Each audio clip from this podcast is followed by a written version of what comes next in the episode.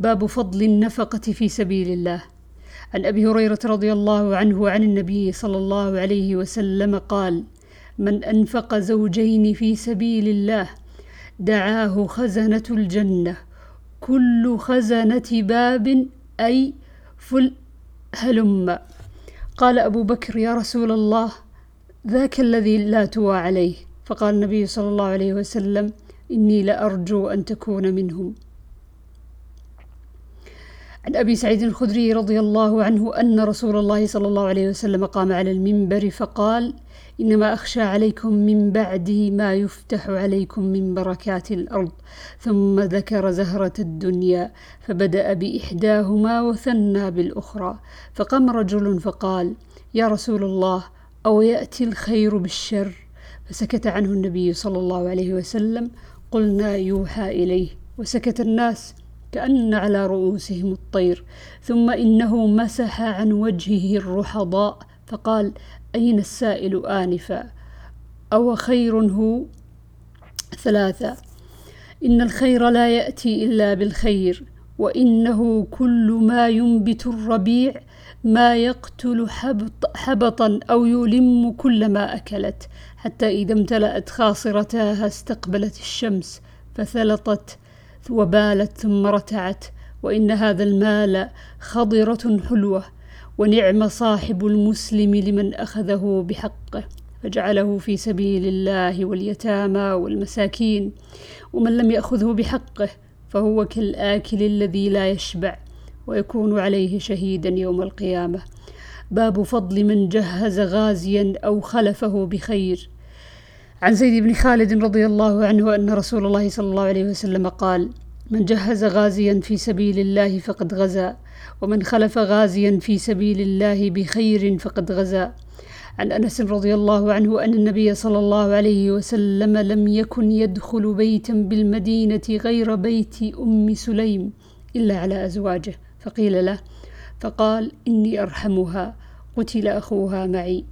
باب التحنط عند القتال. عن موسى بن أنس قال وذكر يوم اليمامة.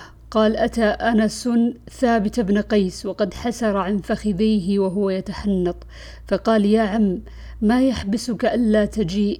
قال الآن يا ابن أخي. وجعل يتحنط يعني من الحنوط ثم جاء فجلس فذكر في الحديث انكشافا من الناس فقال هكذا عن وجوهنا حتى نضارب, نضارب القوم. ما هكذا كنا نفعل مع رسول الله صلى الله عليه وسلم. بئس ما عودتم أقرانكم. باب فضل الطليعة. عن جابر رضي الله عنه قال قال النبي صلى الله عليه وسلم من يأتيني بخبر القوم يوم الأحزاب؟ قال الزبير أنا. ثم قال من يأتيني بخبر القوم؟ قال الزبير أنا.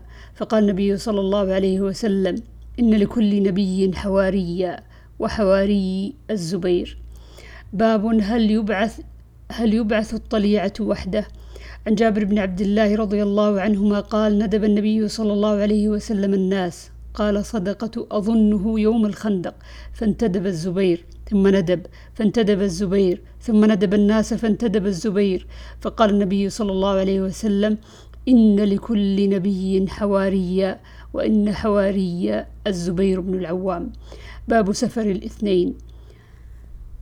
عن مالك بن الحويرث قال انصرفت من عند النبي صلى الله عليه وسلم فقال لنا أنا وصاحب لي اذنا وأقيما وليؤمكما أكبركما.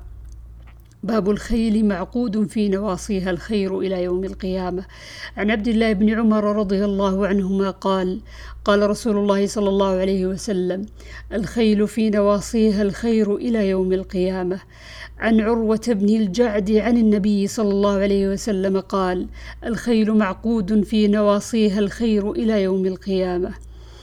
وعن أنس بن مالك رضي الله عنه قال: قال رسول الله صلى الله عليه وسلم: البركة في نواصي الخيل.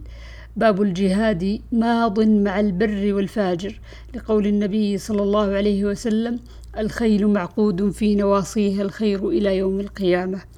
عن عروة البارقي أن النبي صلى الله عليه وسلم قال: الخيل معقود في نواصيها الخير إلى يوم القيامة الأجر والمغنم باب من احتبس فرسا لقوله تعالى ومن رباط الخيل عن أبي هريرة رضي الله عنه قال قال النبي صلى الله عليه وسلم من احتبس فرسا في سبيل الله ايمانا بالله وتصديقا بوعده فإن شبعه وريه وروثه وبوله في ميزانه يوم القيامة.